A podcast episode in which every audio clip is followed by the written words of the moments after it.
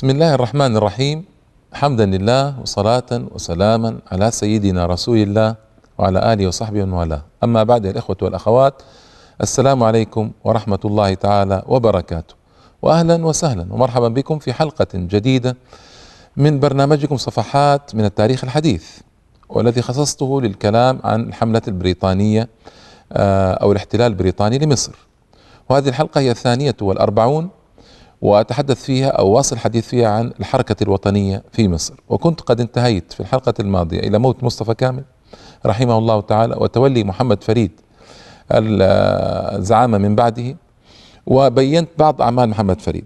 وبينت أنه وقع بين فكي كماشة عباس حلمي والحكومة المصرية من جهة وإلدون جورست المعتمد البريطاني في مصر من جهة أخرى حيث كان الوفاق بينهما قائما والضغط كبير على محمد فريد. بخلاف مصطفى كامل سلفه فإنه كان يستفيد من التناقض بين عباس وكرومر هنا والكراهية التي كانت بينهما. هنا اجتمع الفريقان عليه. أيضا للأسف الشديد كان هناك حزب اسمه حزب الأمة أو حزب الشعب وكان في لطف السيد وسعد زغلول وجماعة. هذا كان حزب بريطانيا وحزب القصر. فأيضا كان يسفه الحزب الوطني ويسفه أحواله ويسفه شؤونه. فكان أيضا آه، هذا ساعد في زيادة حصار فريد والحرب الشعواء التي كانت ضده رحمة الله تعالى عليه. طالب بإنشاء مجلس نيابي لكن مطالبته مثل مطالبة مصطفى كامل لكن اتخذت طابعا إجرائيا جميلا. ويعجبني في الإنسان أنه لا يستسلم. ويتحرك لاستخدام بدائل أخرى. آه، مصطفى كامل وجوبه مطلبه بالرفض لكن محمد فريد يبدو أن الأيام صقلته والخبرة الطويلة وأيضا تجربة مصطفى كامل في ذهنه. فماذا صنع؟ عمد إلى الشعب. وهذا مهم جدا. هذا الذي يفعله اليوم آه، أردوغان في تركيا. الجيش يقف في وجهه يضايقه يعمد إلى الشعب. آه، ينادي باستفتاء عام. حتى لا يقال إن القرارات هذه قرارات آه، حزب العدالة والتنمية أو هي قرارات البرلمان التركي الذي يسيطر على حزب العدالة والتنمية مع أنه يكون الحق معه ويمكن إصدار القرار من البرلمان فقط لا داعي للاستفتاء الشعبي. لكنه يلجأ للاستفتاء الشعبي تقوية لقرار البرلمان وتقوية لاتجاه العام في الأمة. فبيبدو أن القرار صادر من الشعب التركي وليس من الحزب فقط. ذكاء. وتوجه جيد. كذلك محمد فريد هنا نجأ إلى الشعب وجمع آه، قرابة آه، خمسة وأربعين ألف توقيع جمعها للمطالبة بإنشاء مجلس نيابي ودستور لمصر حر نزيه. وفعلا آه، قدم هذه المطالب للوزارة. الوزارة كانت وزارة مصطفى فهمي باشا آنذاك وهي وزارة عميلة للإنجليز طبعا ما التفتت. فقدمها المطالب الخديوي نفسه عباس حلمي الثاني. استقبلها في البداية استقبالا حسنا وكأنه يعني زكاها أو وافق عليها مبدئيا لكن بعد ذلك آه، أدار ظهره لمحمد فريد وتجهم له ورد مطلبه وكان يتضايق تضايقا كبيرا جدا لما يذكر له مطلب آه، مجلس النيابي والدستور.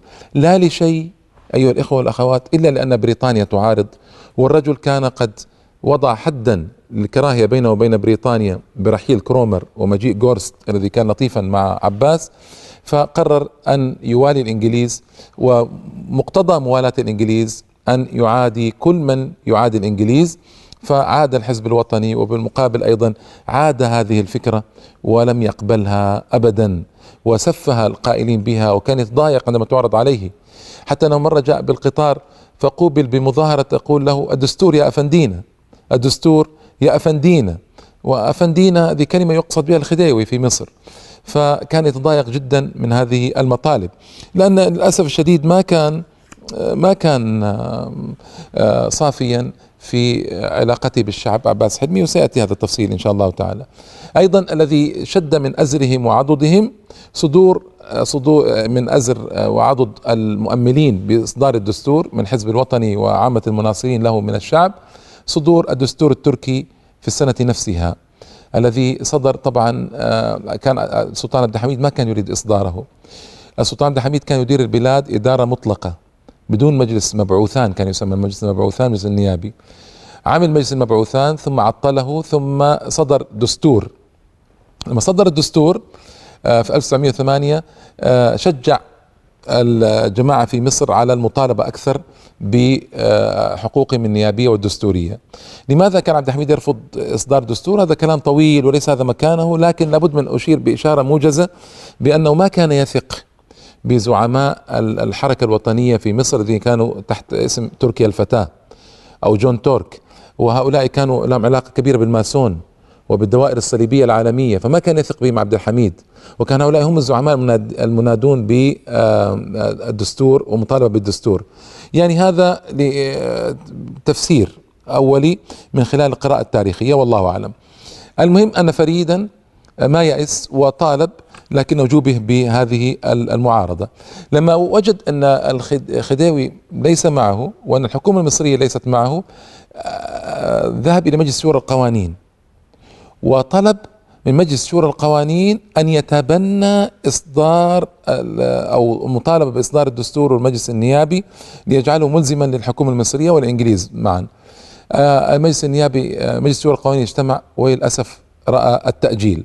لأن مجلس شورى القوانين هو مجلس معين ومجلس صوري لا قيمة له ومجلس تابع لبريطانيا والحكومة المصرية. فكيف يعمل شيئا ضد بريطانيا والحكومة المصرية؟ طبعا هذا ما يمكن أن يكون. فرد المطلب ولم يقبله. آه، أيضا عباس اجتمع مع جورست وقال عباس كلاما غريبا. قال أنا يمكن أن أحكم مصر أنا وجورست حكما مطلقا وأنا أرحب بالاحتلال الإنجليزي هكذا الذي كان مناوئا له آه، طوال خمسة عشر عاما آه، منذ أن تولى إلى انقلع كرومر. خمسة عشر عاما يناوئ الاحتلال. فجأة يقول أرحب بالاحتلال الإنجليزي وأراه أحسن من أي احتلال آخر يشير إلى الدولة العثمانية. وأن إذا ذهب الإنجليز فالدولة العثمانية تعود يعني. فيعرض بالدولة العثمانية بهذه الطريقة. للأسف الشديد هذا التصريح طبعا خطير وخطير جدا. رد عليه محمد فريد بقوة في صفحات اللواء وقال هذا كلام غير مقبول. ونحن نطالب آه، بمجلس نيابي ودستور ولا نقبل بأن يحكم مصر فرد مهما كان سواء كان انجليزيا أو مصريا. يرد طبعا على الاثنين معا على جورست وعلى كرومر. وطبعا ذهب لما ذهب عباس إلى لندن كان منقطعا عن لندن مدة طويلة بسبب الجفاء الذي كان بينه وبين كرومر. يذهب إلى أوروبا كل سنة آه، إلى باريس إلى جنيف إلى كذا. لكن ما يذهب إلى لندن بسبب العداء الذي بينه وبين كرومر. هنا وكرومر في الصيف يذهب إلى لندن طبعا. فهنا آه، ذهب إلى لندن وعاد وقد تنكر تماما الحركة الدستورية. وهذا الذي يعني في مسيرته شيء غريب. وسآتي على إيضاح وجه الغرابة في حلقة عباس بعد فراغي من ذكر الحركة الوطنية لأن لا يفهم لا تفهم حلقة عباس الفهم الواضح إلا بذكر هذه التفصيلات قبل أن نخوض في سيرته. آه ولما رأى هذه المعارضة آه ذهب محمد فريد إلى أوروبا في جولات. لينادي بحقوق المصريين وجلاء الإنجليز وإنشاء الدستور المجلس النيابي في أوروبا آه، حتى تكون أوروبا مثل وسيلة ضغط على إنجلترا. يعني أنا حقيقة آه، ما أريد أن أقوم هذه الحركة الآن الذهاب إلى أوروبا والمطالبة لكني أقول آه، يجب أن لا ننسى أن المحتلين هؤلاء عصبة واحدة وأن فرنسا ما صنعت شيء للمصريين على كثرة الكلام التي تكلمت به وطالبت الإنجليز بالجلاء لكن كان كلاما ثم ما لبث حتى الكلام أن انقطع. بعد اتفاق الودي بين فرنسا وبريطانيا. وهؤلاء المحتلون عصبة واحدة ضدنا. لكن يعني هم رأوا ذلك فغفر الله لنا ولهم. من أعمالي المهمة أن اعترض على اتفاقية السودان آه، التي 1899 التي تجرد المصريين من كل الفوائد وتحملهم كل المسؤوليات في السودان. آه، اعترض عليها وطالب بنقضها لكن لم يحدث هذا طبعا نقضت فيما بعد. أنشأ أول نقابة للعمال في بولاق. وهذه طبعا مهمة جدا وأنشأ لها ناديا. وليش مهمة؟ لأن ما كان هناك أي حقوق للعامل المصري من قبل. فكان يعمل هذا المسكين ساعات طويلة آه، وكان يعمل آه، بدون إجازات وكان يعمل بدون حقوق تقاعدية. فإذا أدركته الشيخوخة ضاع. فإذا مرض لا يجد من يعالجه. فأنشأ أول نقابة للعمال في بولاق وأنشأ لها ناديا وسرت بعد ذلك نقابات العمال في الديار المصرية عقب آه، صنيعه هذا وكان صنيعا موفقا لأن يضمن حقوق العمال في جو وحشي آه، يفترس الضعيف آه، افتراسا كبيرا جدا. أنشأ ما يعرف بالاحتفال الهجري رسميا في مصر. احتفال بالعام الهجري الجديد. وكان هذا لأول مرة. كان يعمل احتفالات لكن هو وسعها. بشكل رأت معه الحكومة المصرية أن تواكب هذا هذه التوسعة وأن تجعل الاحتفال بالعام الهجري احتفالا رسميا تقوم عليه الحكومة المصرية. آه طبعا يأتي إنسان يقول ممكن يأتي إنسان يقول طب يعني إيش احتفال بالعام الهجري يعني؟ يعني ماذا؟ وماذا يعني الاحتفال بالعام الهجري؟ وليس هذا الاحتفال مخالفا للثوابت العامة في الإسلام. أقول اسمع هذا الاحتفال له رمزية خاصة أي بلاد محتلة من قبل الإنجليز ويحتفلون بعيد رأس السنة ويحتفلون بالكريسماس ويحتفلون بنيو يير هذا يسمونه العام الجديد ويحتفلون باحتفالاتهم كلها. وليس للمسلمين احتفال جامع ولا يأبهون أصلا بالمسلمين وبشعورهم وبذكرياتهم. هذا أولا. فكان هذا مهما. آه الأمر الثاني أن في هذه الاحتفالات بالعام الهجري تحصل أمور لا يمكن حصولها بغير آه، تلك الذكرى. فإن يعني تجتمع الناس ويجتمع زعماء الشعب ويلقون الخطب النارية القوية في وجه الإنجليز ووجه المحتل. فهذا احتفال له رمز كبير وكبير جدا. ليس فقط معنى دينيا. انتبهوا هذه قضية مهمة. بل يستفاد منه بقوة في أشياء أخرى مهمة فيها مصلحة كبيرة للإسلام والمسلمين وللشعب المصري فهذا اذا يعني هذا اذا يشجع مثل هذه مثل هذه مثل هذه الذكرى ومثل هذا الاحتفال ويهتم به لا على انه المعنى الديني وكذا لا على انه نظر سياسي فيه مهم جدا وفي مصالح مهمة وراجحة للشعب المصري. آه طبعا أيضا كان يتحرك في أوروبا كل سنة. فعقد مؤتمرا للشبيبة في انعقد مؤتمر الشبيبة في جنيف. فكان يذهب آه، لهذا المؤتمر. ذهب في 1909 وشارك فيه من الإنجليز كير هاردي زعيم حزب العمال وألقى فيه خطبة عصماء قوية محمد فريد وذكر حقوق آه، الشعب المصري بشكل كبير وكرائع جدا وكان لها دوي كبير هذه هذه الخطبة وذلك الاجتماع أو المؤتمر في أوروبا وفي مصر بعد ذلك. وأكمل إن شاء الله تعالى جهود محمد فريد بعد الفاصل.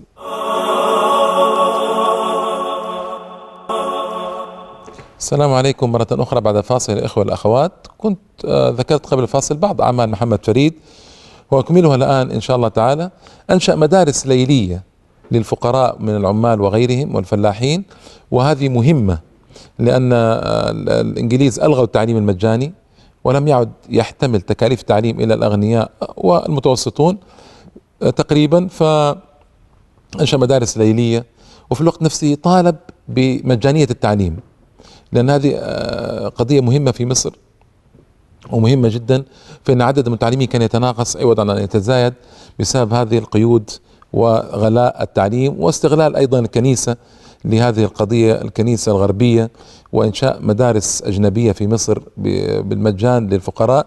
فذكرت ذلك من قبل. آه، أيضا آه، تكلم عن فداحة الضرائب. وشدتها على الفلاح وما آه، يعانيه الفلاح والعامل والفقير في مصر من فداحة هذه الضرائب على وإلهاب ظهره بمطالبة المستمرة له بهذه الضرائب على فقره وعلى عوزه. آه، نقطة مهمة جدا. عارض تمديد امتياز قناة السويس وكانت هذه فضيحة. قناة السويس نحن نعلم أنها جلبت المصائب لمصر وذكرت هذا في حلقة الخديو أو الخديوي سعيد والخديوي إسماعيل. وكان محمد علي يرفض بشدة إنشاء قناة قناة السويس وكان يقول لا أريد بسفورا آخر في مصر لأن البسفور في تركيا جلب لها أيضا مصائب. البسفور طبيعي لكن نحن نريد أن نصنع الآن بسفورا آخر بأيدينا. فكان يرفض كان بعيد النظرة في هذا المجال. لكن سعيد للأسف وافق وإسماعيل وافق أيضا وفتح وفتح المجال واسعا أمام الأطماع آه، الأجنبية والذات الإنجليزية في مصر واحتلت مصر أصلا من أجل السيطرة آه، على قناة السويس ومن أجل مآرب أخرى. فالمهم قناة ذكرت ما أعيد لمن يريد أن يرجع بالتفصيل هناك كلام بالتفصيل عن قناة السويس. لكن أراد الإنجليز أن يمددوا الامتياز. الامتياز كان تسعا وتسعين سنة منذ سنة افتتاح القناة. افتتحت القناة سنة ألف وثمانمائة وتسع وستين. ألف وثمانمائة وتسع وستين للميلاد آه تقريبا سنة 1286 للهجرة. افتتحت القناة رسميا. إذا متى ينتهي الامتياز؟ ينتهي بعد تسعة وتسعين عاما أي في سنة 1968 1968 يعني تقريبا 1387 88 للهجرة فأراد الإنجليز بدهائهم أن يمددوا الامتياز ويستغلوا فرصة الوفاق الحاصل بين الخديوي عباس والحكومة الإنجليزية وممثلها في مصر إلدون جورست فماذا صنعوا؟ أوعزوا للحكومة المصرية أن تنفذ بسرعة وبسرية تامة امتياز تمديد امتياز قناة السويس. وكان القائم على الحكومة المصرية آنذاك بطرس غالي. وكان نصرانيا ويا العجب نصراني رئيس وزراء في بلد مسلم. وحاول أن ينفذ مشروع بسرية وبسرعة. أن يمدد المشروع امتياز قناة السويس من 1968 40 سنة أخرى. وهذا كلام متى؟ في 1908 يعني بقي 60 عاما لانتهاء الامتياز يعني مبكر جدا نتحدث فيه أصلا. لكن مع ذلك يريدون أن يمددوه أربعين عاما أخرى ليستمر مئة عام من تلك السنة. فوصل الخبر يعني ينتهي في 2008 للميلاد. فوصل الخبر إلى محمد فريد سارع بوضع بنود الاتفاقية هذه السرية كلها وضعها في جريدة اللواء. فضج الشعب المصري عندما قرأ هذا الخبر. وتضايقوا جدا وحصلت ربكة كبيرة وضجة كبيرة في مصر. مما استدعى أن آه، يحيل آه، رئيس الوزراء بعد ذلك محمد سعيد باشا لأنه قتل بطرس غالي في حادثة سآتي عليه بعد ذلك. أحال المشروع إلى مجلس شورى القوانين الذي رفضه بعد ذلك ولله الحمد. فكان الفضل بعد الله تعالى يعود لمحمد فريد الذي أبرز وبقوة الخسارة الكبيرة التي تعود لمصر لو مدد امتياز القناة بشروط. أنا ما أرى أن الآن نأتي على الشروط هذه. شروط وتفصيلات يعني ما دام ما أقر المشروع ليس هناك داعي لذكرها إيجازا واختصارا في الوقت. لكن الشروط كانت مجحفة وفيها مكر شديد من قبل الإنجليز فبين ذلك تبيانا لا مزيد عليه. جزاه الله خيرا ورحمه ورفع درجته في الجنة. وفي الوقت نفسه فضح المخطط أمام الشعب المصري وكان له يد طولى في إلغاء هذا القرار المجحف لو تم في حق مصر والمصريين. آه، أيضا آه، كان آه، لو كان يقال هو قال كلمة مهمة قال لو كان في البلد مجلس نيابي حر محترم لعرض عليه هذا ونناقشه. لكن ليس في بلد مجلس نيابي فيريدون طبخ الأمر بسرعة. فاستغل هذا الأمر لإعادة المطالبة بمجلس النيابي في مصر. أيضا آه، رئيس الولايات المتحدة الأمريكية روزفلت جاء إلى مصر في تلك الأثناء ودار في الصعيد وفي القاهرة وألقى محاضرتين كانتا آه، سيئتين جدا في حق مصر. كان بطرس غالي قد قتل وسأذكر أسباب قتله إن شاء الله تعالى. آه، قتل فقال روزفلت أنه قتل بسبب عصبية دينية وهذا كلام خطأ. فإن بطرس غالي قتله كان لمصلحة مصرية راجحة وكان حادثا سياسيا على أي حال لم يكن حادثا دينيا. فزعم أنه قتل لمصلحة آه، لعصبية دينية وزعم أيضا أن الشعب المصري غير مهيأ بعد للدستور المجلس النيابي. وذكر ذلك في الجامعة المصرية التي فتحت حديثا في القاهرة بين المصريين أساتذة وطلابا. وكان في ذلك إهانة أو وكان في ذلك إهانة كبيرة للمصريين. كيف كافأه المصريون؟ لقبوه بلقب دكتور في الجامعة المصرية مكافأة له. انظروا إلى الهوان والذل. فمحمد فريد آه، حمل حملة شعواء على روزفلت وبين خطأه الشديد في قضية أن بطرس غالي قتل عصبية دينية وتكلم كلاما طويلا آنذاك وعاب على الذين منحوه لقب دكتور لروزفلت في الجامعة المصرية بعد أن أهانهم في عقر دارهم. ويعني تحدث حديثا طويلا في الحقيقة جميلا آه، رحمه الله. آه، اشترك أيضا في مؤتمر لندن في مؤتمر باسم آه، الأمم المهضومة الحقوق سنة 1910 وألقى خطبة بفرنسية كان لها أيضا صدى كبير ولاقت استحسانا كبيرا وعرفت الأجانب بأحوال مصر وما آلت إليه الحركة الوطنية في مصر. لما رجع من هذه من هذا المؤتمر قوبل بحفاوة شعبية في اسكندرية عجيبة. لكن كانت الحكومة المصرية قد قررت التخلص من محمد فريد. فلفقت له تهمة. وهي أنه كتب كتابا كتب كتاب عن الشعر. فطلب مؤلفه محمد فريد هذا قبل السفر إلى المؤتمر أن يقرضه فقرضه. بدون أن يقرأه تصفحه تصفحا سريعا فقرضه. كان فيه آه، آه، ما عدته الحكومة الإنجليزية طعنا فيها وفي توجهاتها في مصر. فهنا الحكومة المصرية قررت أن تحاكم محمد فريد من أجل تقريضه الكتاب. انظروا يعني هذا بإعاز من المعتمد البريطاني في مصر من الحكومة البريطانية. طبعا أسأل أين حقوق الإنسان يا أيها الحكومة البريطانية؟ أين التشدقات الطويلة التي تنادين بها بحرية التعبير يا أيها الحكومة البريطانية؟ المهم فحوكم وسجن ستة أشهر مع النفاذ وفي البرد في سجن زنزانة ضيقة. ولما خرج كان أيضا يطبخ له طبخة أخرى لأنه يراد إسكاته إلى الأبد. فأدرك ذلك محمد فريد وتشاور مع أعضاء حزبه وارتأوا جميعا أن يخرج من البلاد في منفى اختياري.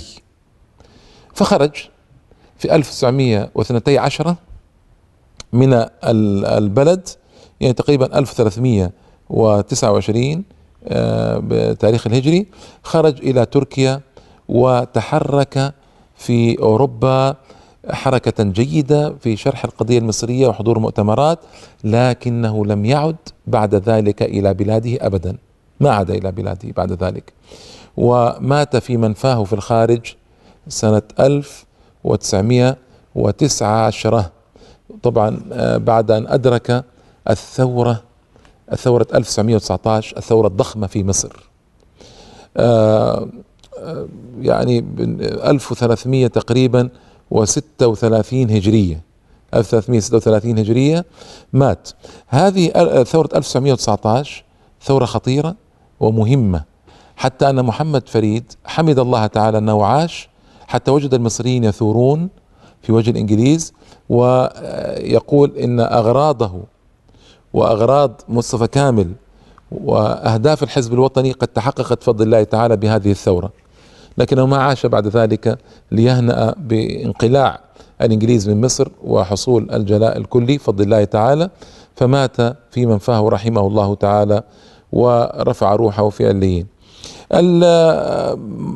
محمد فريد بعده جاء حافظ رمضان حافظ بيك رمضان وقاد الحزب الوطني لكن حافظ بيك رمضان ما كان في شخصية محمد فريد ولا في قوة مصطفى كامل. فالحركة الوطنية تضاءلت بعد موت محمد فريد في الحقيقة. وإن شئتم الدقة الحركة الوطنية آه، تضاءلت عقب نفي آه، أو المنفى الاختياري الذي آه، خرج بموجبه محمد فريد من مصر. تضاءلت الحركة الوطنية شيئا فشيئا شيئا فشيئا. إذا ونحن نعلم أن الإنجليز ضدها والحكومة المصرية ضدها والخديوي ضدها والأحزاب المشبوهة في مصر ضدها والجرائد العميلة في مصر ضدها فكيف تقوى على القيام؟ كيف تقوى على القيام والوقوف في وجه آه هذه الأخطار كلها؟ ما لم يكن هناك قائد قوي موفق ونوع من الحرية في التعبير والتحرك وهذا ما لم يكن كله موجودا آنذاك. حافظ رمضان ما استطاع أن يواصل. ظهرت قوة أخرى في الساحة المصرية آه، أثناء وقبل الثورة وأثناء الثورة وبعد الثورة هي قوة حزب الوفد وسأتحدث عن هذا الحزب بعد ذلك وأنه أقام قواعده على العلمانية بعكس تماما الحزب الوطني الذي أقام قواعده على الإسلام وعلى الاتصال بالدولة العثمانية. إلى اللقاء والسلام عليكم ورحمة الله تعالى وبركاته.